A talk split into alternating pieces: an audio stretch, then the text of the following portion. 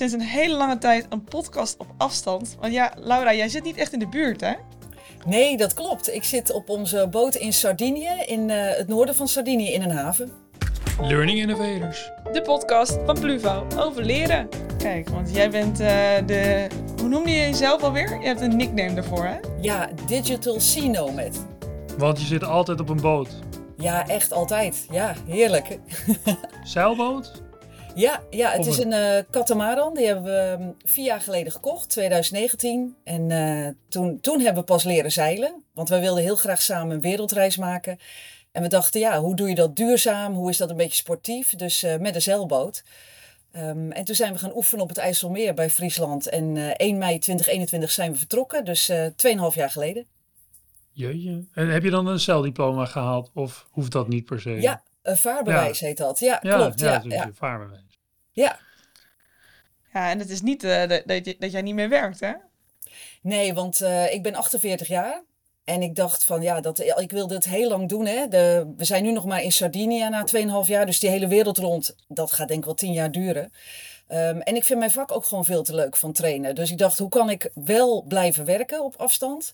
Uh, dit, dit, was 2019. Dus toen um, heb ik Zoom gekocht, Teams gekocht. En toen dacht ik, dan ga ik mijn trainingen online geven. Ik denk, ja, volgens mij gaat niemand dat kopen, maar dat gaan we dan wel weer zien. En uh, ik ga gewoon beginnen. Dus eigenlijk een half jaar voordat de coronaperiode uitbrak, was ik helemaal klaar met mijn online academy. Uh, en toen is het in een vogelvlucht, is het natuurlijk heel snel gegaan. Daar kan ik me iets bij voorstellen, want dat was inderdaad de tijd dat we ook veel online podcast deden, heel veel online trainen. Ja. En iets, iets met corona. Iets met corona. Ja, wel, hè? Voelt weer ver weg, gelukkig. Maar jij bent ja, toch wel blijven online trainen natuurlijk. Zie je ook dat mensen uh, er nu eerder voor openstaan om online een training te volgen? Ja, zeker. Want um, uh, soms weten mensen het niet, hè, dat ik in het buitenland zit en online train. Dus dan word ik benaderd van, goh, zou je op ons congres kunnen spreken? Nou, dan licht ik toe dat ik op afstand zit, maar dat dat ook goed kan en interactief kan. Uh, dus zeggen nou, die uitdaging willen wij wel aangaan. En uh, dan blijkt dat gewoon hartstikke leuk uit te pakken. De, er was zelfs een keer zo dat um, ik werd uitgenodigd voor een congres, maar ik had ook al een, een andere opdracht. Ik zei, nou, dan maak ik gewoon een video, maar ook die kunnen we interactief maken. Uh, dus toen had ik een 20 minuten video gemaakt met een aantal opdrachten voor de zaal daarin. En toen werd er gezegd, aan het eind stak iemand nog zijn hand op omdat hij een vraag aan je wilde stellen. Terwijl ja, eigenlijk Oh, was het natuurlijk een video. Dus nou, dat vond ik wel een mooi voorbeeld. Ja. Ja, het, het werkt even goed, toch? Maar vooral als je het goed aanpakt. Want daar Ja. gaan we het natuurlijk vandaag ook over hebben. Want ja, heel vaak zag je toch hè, dat, dat, dat klassikale trainingen één op één werden overgezet naar een live online training. Hoe je dat dan ook Ja. noemt. Maar dat werkt natuurlijk niet. Nee, en ik, ik denk dat we daarin wel zielsverwanten zijn. Want ik heb ook een aantal podcasts van jullie geluisterd. En ik hoorde ook bij jou de passie hè, van... Ja, maar je kan het niet zomaar omzetten. Want het is een heel ander medium. Dus ik heb wel eens de metafoor gemaakt tussen een trein en een auto. En dan zie ik de trein als een online middel om ergens te komen. En een auto als een eh, fysiek middel. En allebei kunnen ze naar Rome rijden. Alleen je ervaring is gewoon allebei anders. Dus je moet het ook niet zien als twee gelijke producten...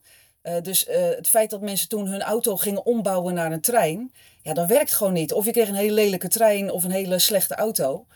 Uh, je moet gewoon echt opnieuw beginnen met ontwerpen. Je moet gewoon je oude ontwerp weggooien.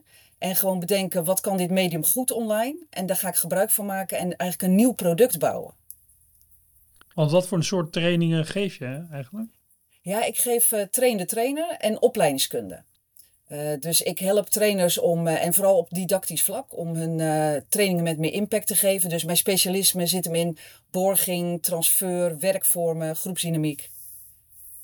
Ja, precies. De Ja. kennis die je nodig hebt om een goede online cursus te geven. Ja, Ja, ja dus perfect. vandaar matchte dat ook zo met mij om het eh, te zeggen van gooi je ontwerp weg. Vond niet iedereen een leuke boodschap.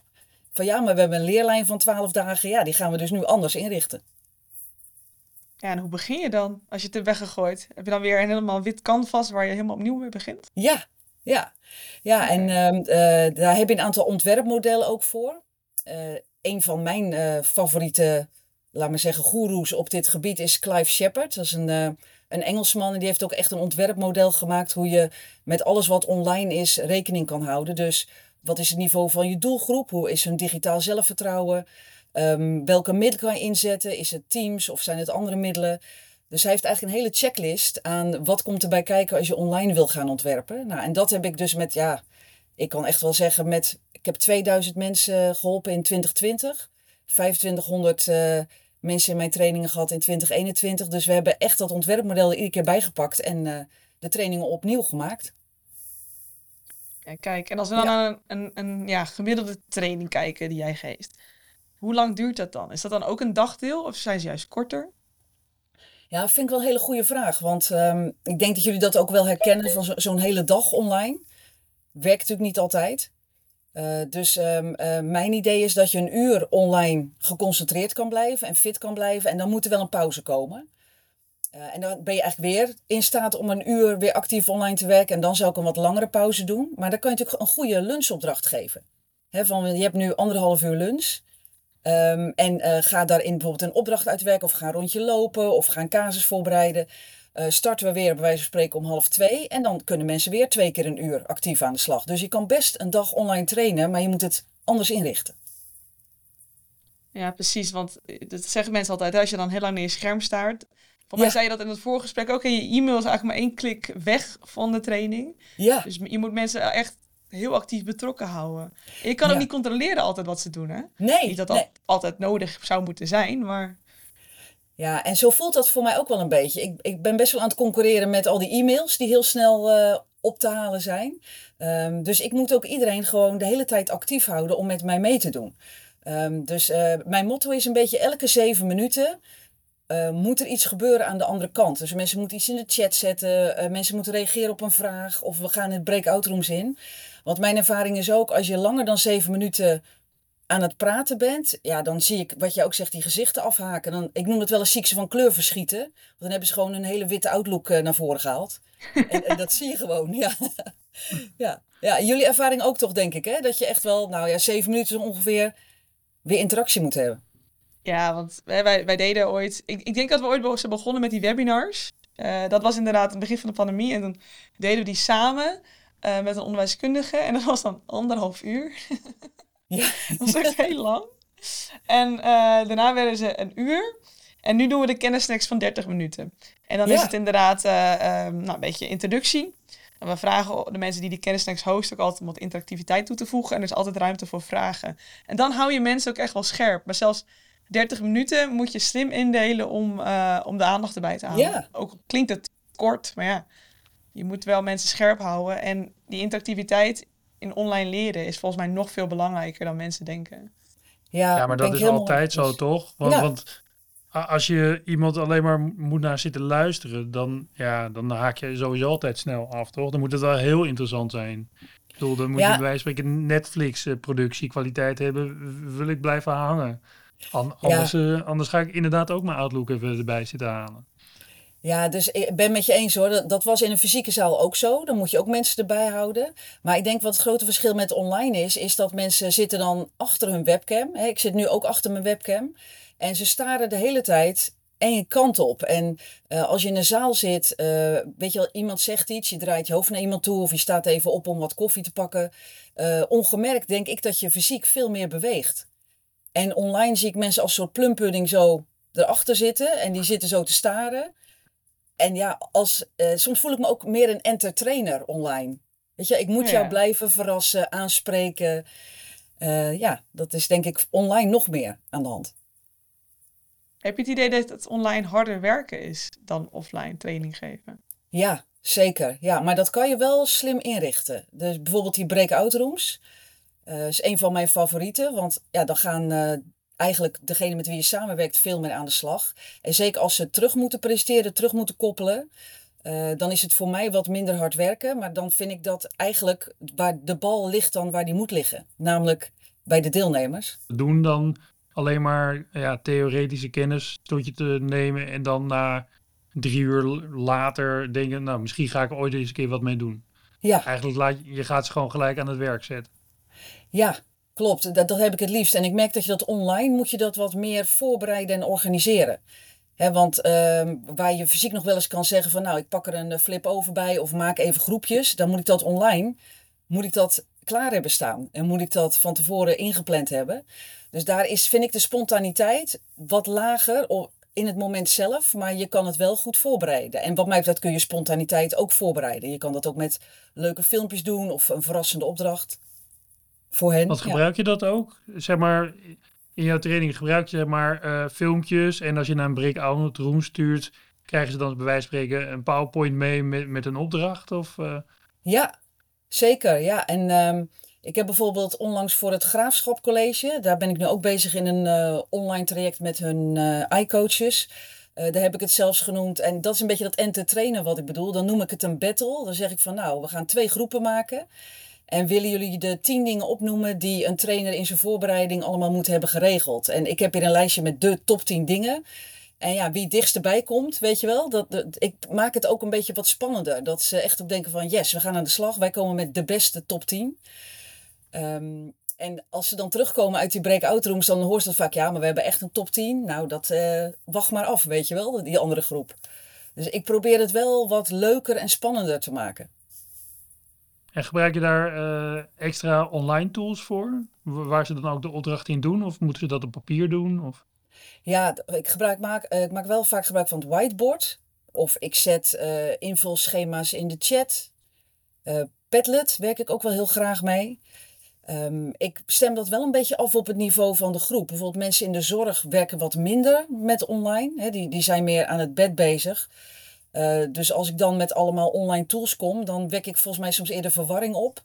Dan dat het dan ja, gaat vliegen. Ja. Waar je eerder ook aan refereerde. Als je wel eventjes je doelgroep uh, moet, uh, in ogenschouw moet nemen om te denken, wat is hun digitale ja, kwaliteiten? Ja, ja, hun zelfvertrouwen ook echt. Ja, want ik heb nog steeds, als ik aan mensen vraag van uh, uh, steek je digitale handje op als je vraag wil stellen, krijg ik soms nog de vraag terug, waar zit die precies of waar kan ik dat vinden? Um, dus ja, het is nog niet bij iedereen zo gewoon geworden om uh, online ook te... Ook van, goh, er is minder ruimte voor spontaniteit, dus dat moet je ook inplannen. Ja. En dat betekent dus dat je je doelgroep van tevoren goed moet kennen. Ja. Hoe, hoe, hoe doe jij dat als jij een training moet geven? Ja, ik heb, ik heb eigenlijk altijd drie vragen. Ik heb um, onlangs een intake gedaan met een, uh, een groep opleidingsadviseurs van de gehandicaptenzorg. Um, en die willen graag een nieuw ontwerp maken uh, voor hun uh, leerlijn dementie in, in de gezondheidszorg. En toen vroeg ik aan wie trainen jullie dan? Ja, aan hulpverleners. En um, ja, dan wil ik echt drie dingen weten. Als ik tegen ze zeg, vul wat in in de chat, gaat dat een beetje vlot. Digitale handje. En als ik met breakout rooms kom, schrikken ze dan, verdwijnen ze in cyberspace, zie ik ze nooit meer terug. Nou, die drie dingen, als ik, als ik daar uh, flink knikken op krijg, oh dat gaat goed, tuurlijk, kunnen ze, kunnen ze, dan denk ik dat zit goed. En als ik aarzeling krijg, of de helft van de groep kan dat wel of kan dat niet, dan weet ik, ik moet niet al te wild uh, komen met allerlei tools. En dan ga je gewoon meer centraal in zo'n, nou, net als wat wij nu doen.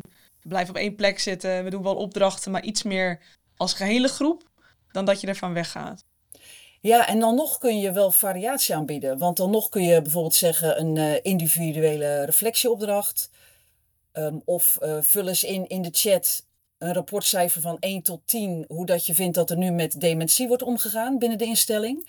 Dus dan nog steeds kan ik wel uh, samenwerken met de groep online. Maar dan hou ik het inderdaad meer centraal. Ja. Uh, individuele reflectieopdracht vind ik ook wel interessant. Want dat is best wel persoonlijk ook, denk ik. Maar dan maakt het ook heel persoonlijk voor jezelf. Is dat dan ook iets wat ze daarna delen? Of moeten ze dat echt voor zichzelf uh, doen?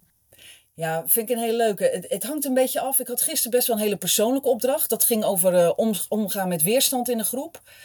Um, en dan kwamen er ook gewoon uh, ja, persoonlijke verhalen naar voren over uh, moeite hebben met dominante personen online bijvoorbeeld. Hè, die doen dan hun camera uit en dan zit je soort half te smeken als trainer. Doe alsjeblieft je camera aan, gebeurt nog niet. Dus ik dacht, ja, ga ik dat soort voorbeelden plenair in de groep delen? Toen ben ik wel met breakout rooms gaan werken. Oké. Okay. Dus dan laat ik ze wel. persoonlijk is. Ja, ja, dus als het letterlijk dicht op de huid komt, dan doe ik liever breakout rooms. En die laat ik ook niet altijd terugkoppelen. Ik denk, nou, dat is gewoon een intiem gesprek. En uh, het was een leermoment met een klein groepje. Er hoeft niet, vind ik, altijd alles centraal worden teruggekoppeld.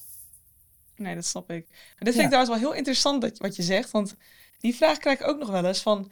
Hoe ga je om met mensen die inderdaad hun camera niet aanzetten? Ja, Ja, en dat is best een pittige, vind ik hoor. Ik merk ook wel dat het soms een cultuur in een organisatie is waar dat heel normaal is om het wel te doen. En daar spreken mensen elkaar ook op aan.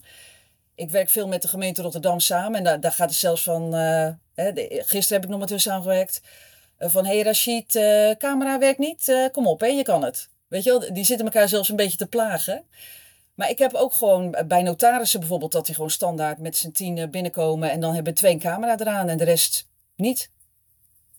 En, en zeg je er daar wat van als trainer? Ja, vaak begin ik daar vooraf al over.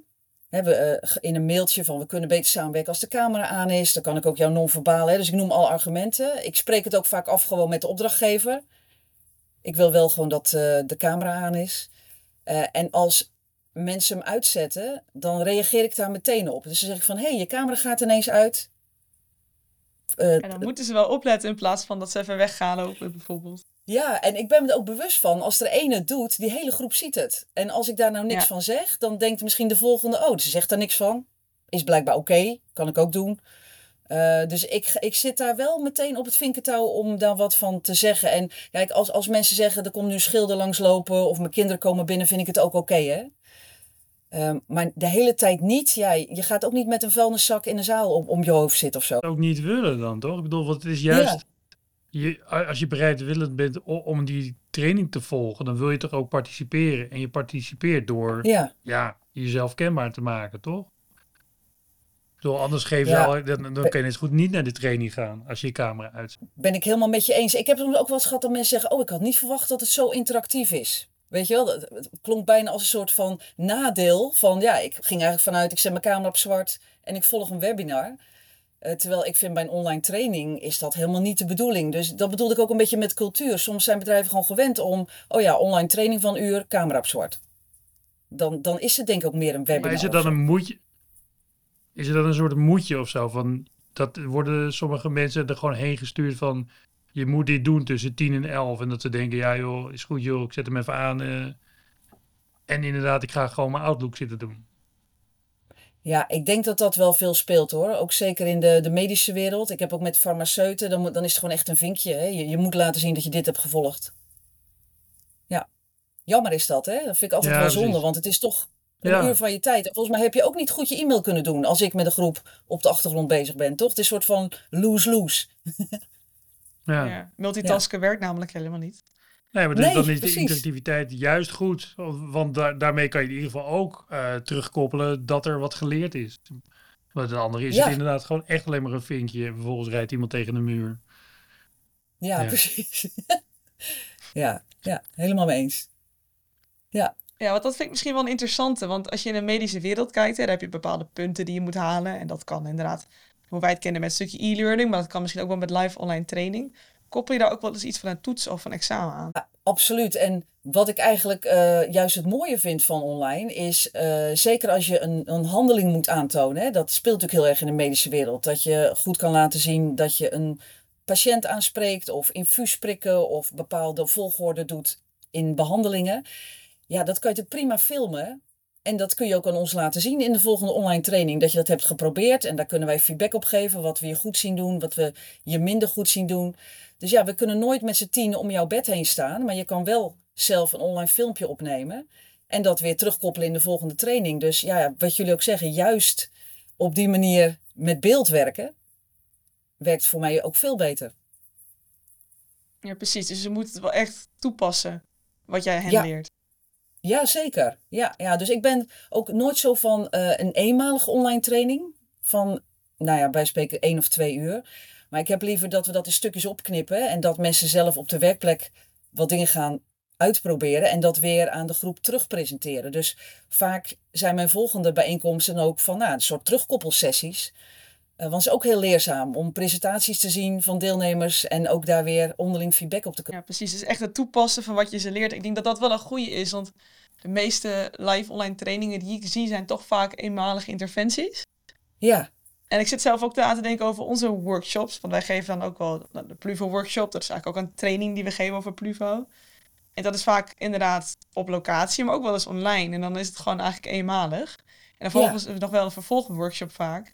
Maar daarbij zou het misschien ook wel interessant zijn om te zeggen van... hé, hey, we doen dat wat korter. En je gaat uh, deze week aan de slag. En volgende week laat je zien wat je hebt gemaakt in Pluvo bijvoorbeeld. Ja, vind ik een hele leuke. En ik vind eigenlijk de instructie, als je denkt, ja, er is eigenlijk geen interactie nodig, dat zou mooi in een e-learning kunnen. Of in een, uh, dus dan wel online, maar asynchroon. Maar die toepassing vind ik ook prima live online kunnen. Om het dan te bespreken, te presenteren. Nou. Interessant, gaan we eens even over nadenken. Dat is wel een goeie.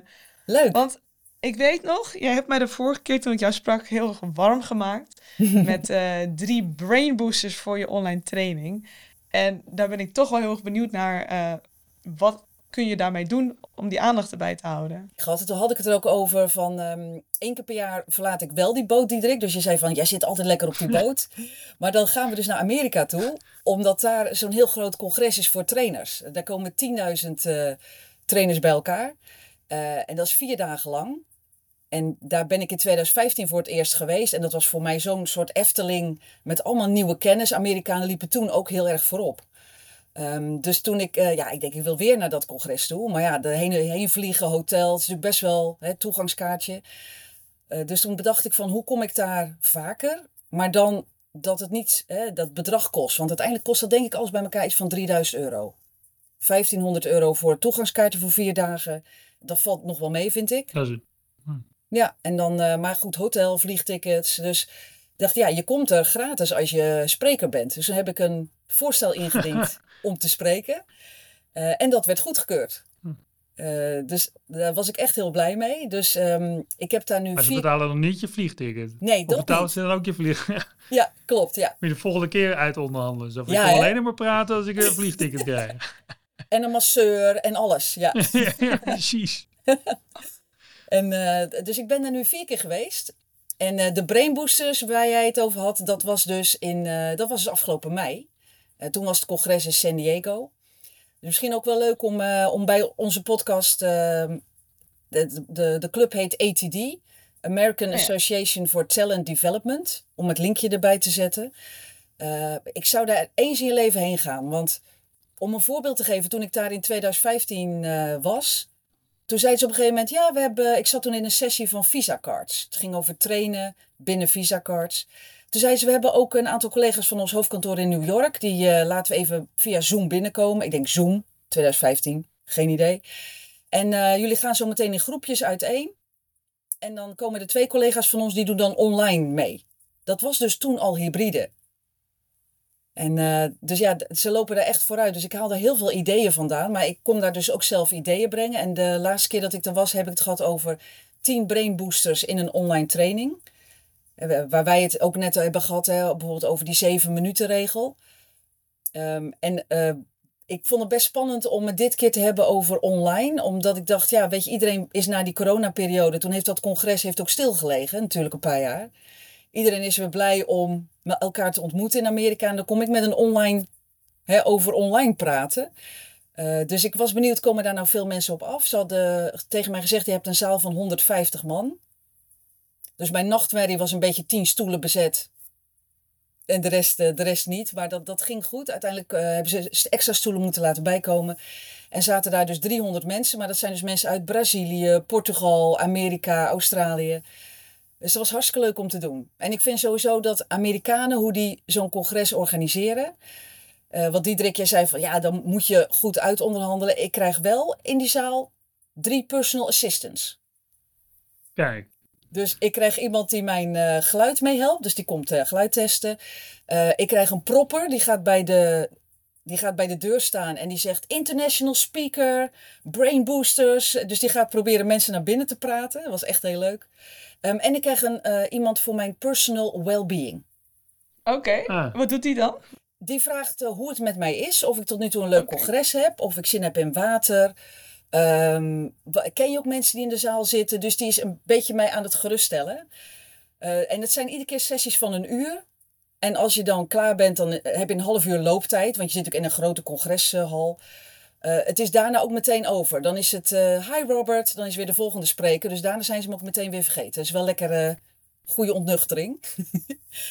maar ik vond het wel maar heel doe leuk. Je dan één sessie, doe je dan één sessie of heb je de hele dag allemaal verschillende sessies? Nee, ik ben daar ja. elf uur heen gevlogen voor één sessie van één uur om die te geven. Kijk. Okay. Ja, de ja. rest van de tijd kon je rondlopen en weer leren van anderen. Ja, dat is echt ja. leuk. Maar je hebt daar ook uh, Simon Sinek, Brene Brown. Je hebt ook echt wel de, de grote namen uit ons vak. Dus ja, ja is hartstikke Daar sta jij gewoon tussen. Ja, was ik heel blij mee. Is echt leuk. Ja. ja. Dus je sessie was heel goed bezocht. Ja. En uh, je had het toen volgens mij over de 10 brain boosters, als ik me goed herinner. Klopt. Uh, welke drie springen er voor jou dan echt uit? Ja, en ik vind het ook altijd leuk om een beetje practice what you teach. Dus toen ik met die zaal begon, uh, toen heb ik ook gezegd van nou, ga staan als je uit Europa komt. Uh, dus ja, een stuk of 20, 30 mensen gingen staan. Ook een aantal Nederlanders die ik natuurlijk ken.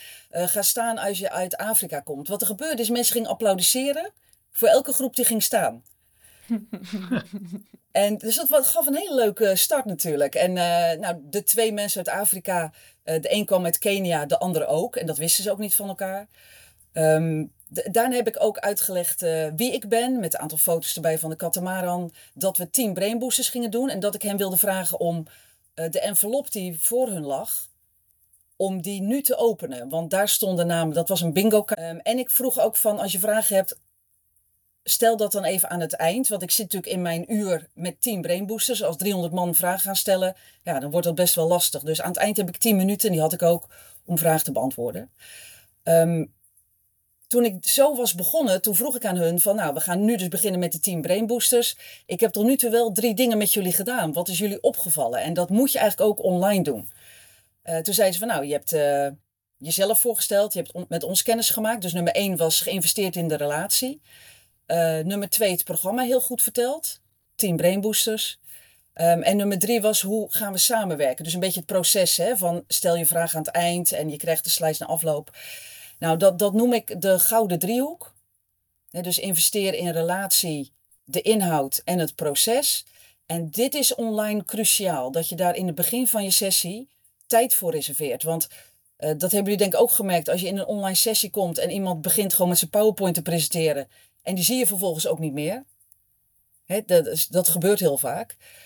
Um, dus... Ja, je bedoelt dat je alleen maar naar die PowerPoint zit te kijken. En, en dat die persoon eigenlijk alleen maar een stemmetje is uh, in, de, in de verte. Ja. ja. ja. En, en, je weet niet hoe lang het nog gaat duren, inderdaad. Of zouden dit vier slides zijn? Is dit 300 slides? Wat, uh, wat gaan dat? we doen vandaag? Ja. Ja. Dus um, uh, ze zeiden ook, en dat vond ik wel leuk, want ik had natuurlijk gezegd uh, vragen aan het eind, maar er was iemand zo enthousiast, die stak zijn hand op, die zei van ja, dit vind ik een fijne start. Dus de, ik heb het toen ook de Golden Triangle genoemd. Alles klinkt ook leuker, mensen, in het Amerikaans. dus eh, dat vond ik leuk, weet je wel. Zelf demonstreren van hoe dat die start anders is dan, uh, ja, en online, omdat mensen op afstand zitten, moet je daarin investeren. Want anders is het mij niet duidelijk wie zit hier in de zaal, wie ben jij? Uh, moet ik nou wel of niet iets in de chat zetten? Mag ik jou onderbreken? Dus ja, wat is nou een, een brain booster? Want dat begrijp ik nog niet helemaal. Ja, dat is een eigen verzonnen woord vanuit mij. Uh, en dat, dat is eigenlijk van, uh, mensen klagen er altijd zo over dat ze bijna breindood waren na afloop van een online training. He, van, ik, ik ben helemaal suf en moe. Dus hoe hou ik jouw brein fit? Dus hoe boost ik jouw brein? Dat is eigenlijk het idee. Ah, Ja. ja. Wakker schudden. Dat is het, ja. En jou fit houden, dat je denkt na twee uur, nou, ik zit er nog steeds uh, oké bij. Kijk, en dan vraag ik me wel af, hè, want je zegt investeer in de, uh, de relatie met de klassikale training. Dan spreek je misschien een paar mensen die binnenkomen. Uh, um, laat je ze misschien in een groepje zich voorstellen.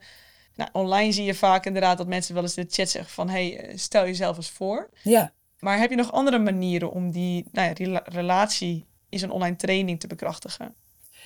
Ja, wat ik ook wel een leuke vind, um, om mensen te vragen om een voorwerp mee te nemen. Ze zitten natuurlijk in, vaak in hun huiselijke omgeving. Uh, dus, en het liefst iets gekoppeld aan de training. Uh, dus we gaan het uh, hebben over omgaan met lastige klanten. Wat voor associatie heb jij? Ik heb wel eens iemand een, een cactus in beeld zien houden. Ja, daar word ik altijd heel stekelig van, weet je wel? Of heel geïrriteerd. terwijl iemand had ook een knuffeldier bij zich en die zei: Ja, omarm lastige klanten zie je het als een uitdaging. Dus ik vind, dan heb je meteen, uh, leer je ook wel mensen beter kennen. Hoe zitten ze erin, in jouw uh, sessie? Oh, heel leuk inderdaad. En wees dan ook creatief, toch? Dat hoor ik ook in jouw verhaal. Ja. Ja, ik probeer altijd wel fris en anders te starten dan dat mensen gewend zijn. Want dan hoop ik ook dat ze denken, hé, hey, deze dame heeft moeite gedaan. Uh, ik wil ook moeite doen om bij te dragen en het leuk te maken. Het principe van wederkerigheid eigenlijk. Ja. Ja. Ja, ik vind en die echt, komt er weer uit uh, het influence model, toch? Van hoe beïnvloed je mensen? Ja, ja ik, vind, ik vind als je energie stopt in die webcam, dan krijg je hem ook terug. Kijk, dat zijn dus denk ik hele, hele goede brain boosters. Ja. Heb jij daar nog vragen over, Diederik? Nee, ja, wat ik me wel afvraag, als iemand want je probeert eigenlijk altijd mensen maar, erbij te betrekken en mee te laten doen. Ja. Uh, niet iedereen heeft daar eigenlijk. Uh, er zijn natuurlijk ook wat introverte mensen die, die gewoon liever niet mee, die wel mee willen doen en wel willen leren. Maar niet, niet met knuffels of met cactussen gaan zitten zwaaien. Nee. Hoe, hoe, hoe, kan je die dan toch uh, zeg maar een beetje erbij betrekken zonder dat ze zich uh, ja, over de streep geduwd voelen? Ja. Zeg maar. Ja, en ik, ik heb ook wel groepen gehad waar dat voornamelijk die mensen waren. He, gewoon wat rustiger, introverter. Um, ik werk bijvoorbeeld ook samen met uh, de kerncentrale in Petten. Ja, dat zijn mensen die zich vooral bezighouden met procedures, veiligheid. Die springen niet op een podium. Die, nee. die, die, zijn gewoon heel rustig. Dus ik pas mijn training daar wel op aan. Dus dat wordt dan eerder uh, een, een goede, uitdagende reflectieopdracht. Hè, waar ze uh, even flink op moeten kouwen. Maar dan individueel en rustig even wat uitwerken. En zet dan bijvoorbeeld je output in de chat. Um, of dit soort mensen vinden het wel fijn om te praten in een breakout room. En niet plenair. Dus dan doe ik ook... Ja, precies. De groepen wat kleiner maken, zodat ze denken oké, we gaan nou echt ergens over hebben... in plaats van dat ik ja. in grotere groepen iets moet roepen... waar toch niemand op zit te wachten. Nou, dat. En ik wissel dan ook wel een beetje af um, open vragen stellen... En juist niet open vragen stellen. Want als ik een open vraag stel, dan gaan de mensen hun microfoon aanzetten die wat meer extravert zijn. Um, en dat is een paar keer leuk, maar dan krijg je wel steeds dezelfde mensen aan het woord. Dus andere opdrachten bedenken, waardoor de introverte mensen ook hun input kunnen delen. Uh, daar een beetje mee spelen. Dat vind ik eigenlijk mijn rol als trainer. Om wel iedereen. Uh... Nou, mooi, toch? Ja, toch? ja, ja, veel geleerd. Ja, zeker. En uh, ik denk ook wel best wel wat dingen die we zelf ook wel weer kunnen toepassen op onze eigen trainingen. Dus dat is ook altijd wel weer leuk als een podcast. Je spreekt altijd met mensen die je ook weer inspireren op een andere manier. Al is het al vanaf een katamaran. Nou, dat kan dus heel goed. Ja. ja, dank jullie wel voor de vragen ook. Want ook door jullie vragen word ik ook weer getriggerd van... ja, waarom maak ik echt die keuzes of doe ik de dingen die ik uh, doe? Dus dank jullie wel. Ja, graag gedaan. Nog één vraagje. Zo'n katamaran, dat is dan wel een hele grote katamaran, toch? Want in, in mijn hoofd zijn katamarans eigenlijk altijd gewoon uh, katamarans waar je niet op kan wonen. Waar er gewoon zo'n matras in het midden ligt. Ja. Daar kan je dan op zonnen, maar voor de rest uh, zie ik geen slaapplek. Maar dit, dit is dan echt zo'n hele grote katamaran, wat eigenlijk gewoon bijna twee boten met een ja. walk in het midden is of zo. Klopt, ja. Daar, daar heb ik meer mensen gehad die, die kennen die hobbycats, weet je wel. Dat je gewoon individueel... Ja, ja en die gaan ook heel erg schuin. Um, en dit is een schip van um, uh, 12 meter lang, 8 meter breed. Dus we hebben ook een aantal cabines met uh, douches, toiletten, keuken... Uh, dus ja, het is eigenlijk een soort tiny house, drijvend tiny house. Ja, ja heel je, groot. Ja. Je gaat de hele wereld over, zei dat nou? Ja. Dat ja. is wel het plan. Dus je bent in Nederland begonnen, nu zit je in Sardinië. Klopt. Heb je dan een beetje een plan waar je zo meteen heen wil uh, zeilen? Ja, wat we willen doen is dit najaar nog lekker in Italië blijven. Hè. Dus dan gaan we weer terug naar het vasteland, Rome, Sicilië en dan de andere kant van de laars. Ik denk voorjaar Kroatië, dan naar de Griekse eilanden. Nou, daar kun je ook al een hele zomer uh, verblijven. Um, ik hoop dat we tot aan Istanbul kunnen komen. Ligt ook een beetje aan hoe, de, ja, hoe het is in de Zwarte Zee. Situatie. Ja, ja, precies. Uh, dan draaien we om. En dan moet natuurlijk die Middellandse Zee weer uit. Nou, daar ben je ook serieus wel een half jaar mee bezig. Het is natuurlijk slow traveling, hè. Dus je bent afhankelijk van de wind. Ja, je, bent niet, je gaat niet ineens iedere dag acht uur zeilen. Nee, Nee, nee, zeker niet. En je gaat 10 kilometer per uur, dus het, het, het is, ja. je komt ook niet echt ver op een dag. Dus ik denk, als ik jullie over uh, twee jaar nog een keer zou spreken, dat we dan klaar zijn om de Atlantische Oceaan over te steken. Um, en dan kom je, hè, dan ga je met de passaatwinden mee vanaf Kaapverdië en dan kom je in het Caribisch gebied aan. Nou, dan ga je het Panama-kanaal door, maar dan zijn we weer twee jaar verder. Uh, en dan ga Jeetje. je... Ja, het is echt een lange termijn plan, ja. Ja. Maar die oversteek, Durf je dat aan? Want dat is wel even een, een stukje. Ik bedoel, van Griekenland naar Italië denk ik oké, okay, maar vanuit ja. ja, Malaga naar uh, ja, Amerika, dat. Uh, ja, hoe lang doe je daarover dan eigenlijk? Drie weken en dat is uh, dag en nacht, hè? Want je hebt natuurlijk niet, je hebt geen eilandjes om tussen nee. te stoppen. Je, je hebt de Azoren, maar dat ligt best wel noordelijker, dus die, die kant ga je niet op. Um, nou, we, dat vind ik ook spannend. En wat er gebeurt is dat elke november gaat er een groep van 300 boten die gezamenlijk vertrekt. Ah, oké. Dus dan kan je elkaar een beetje helpen. En dat voel je niet... Ja, want ik zou me echt waanzinnig alleen voelen als ik met één bootje ergens... Eng toch een beetje. Aan het dobberen ben. En dan kom je in een storm terecht. Ja. ja. Ja, ja, en wat eigenlijk het meest gevaarlijk is... Want je, je kan het weer best wel goed voorspellen. Hè? Je, je kan ook wel goed kijken wat er gaat gebeuren. Alleen je hebt bijvoorbeeld ook uh, drijvende containers... die van schepen zijn afgevallen... en die drijven één centimeter boven het water. En ja, s'nachts is dat natuurlijk een ding. Ja, en daar heb je geen satellieten voor. Nee, zie je dat op de satelliet? Of is dat gewoon iets wat je merkt op het moment dat je hem uh, ja, raakt? Ja, je, je hebt een, eh, een radar. Dus s'nachts zie je alles wat ongeveer een halve meter boven het water uitsteekt. Dat, dat licht die rood op. Uh, en je ziet ook, ook wel lichtjes. Dus je, je weet ook wel, dit is een uh, windmolenveld of dit is een uh, olieboorplatform. Maar zo'n container van 20 centimeter, die ga je dus niet ontdekken als je s'nachts vaart. Dus dat, daar, als er ongelukken gebeuren, dan is het vaak om die reden. Uh, dus uh, fijn om dan met de groep te zijn, want dan kom je je redden. ja. Oh man, wat een avontuur. Ja, ik vind het dus echt geweldig dat je dit allemaal zo mooi combineert. En volgens mij waarschijnlijk nog beter bent geworden in die online trainingen geven. Ja. Want je moet nu ook echt wel. Precies, ja. Uh, dus ja, ik denk dat we niemand anders beter hierover kunnen spreken dan jij. En ja, wij doen altijd, toch altijd aan het einde even zo'n oproepje. Want ik kan me ook wel voorstellen dat mensen wat meer over jou en je trainingen willen weten. Of je reis willen volgen. Dus uh, ja, hoe, hoe, doen we dat? Ja, heel leuk dat jullie dat vragen. Mijn reis is te volgen op katamaranhorizon.com. Uh, eh, ik vlog en blog elke week. Dus ik heb inmiddels 130 okay. blogs geschreven uh, over dingen die goed gaan, minder goed gaan. En mijn bedrijf heet Expert Trainers. En ik heb een uh, online academy met acht verschillende producten, waar we het al over hadden, groepsdynamiek, didactiek. Dus uh, experttrainers.nl kunnen mensen mij op vinden. Nou, top. Helemaal top. Heel Dankjewel. Dank jullie wel ook.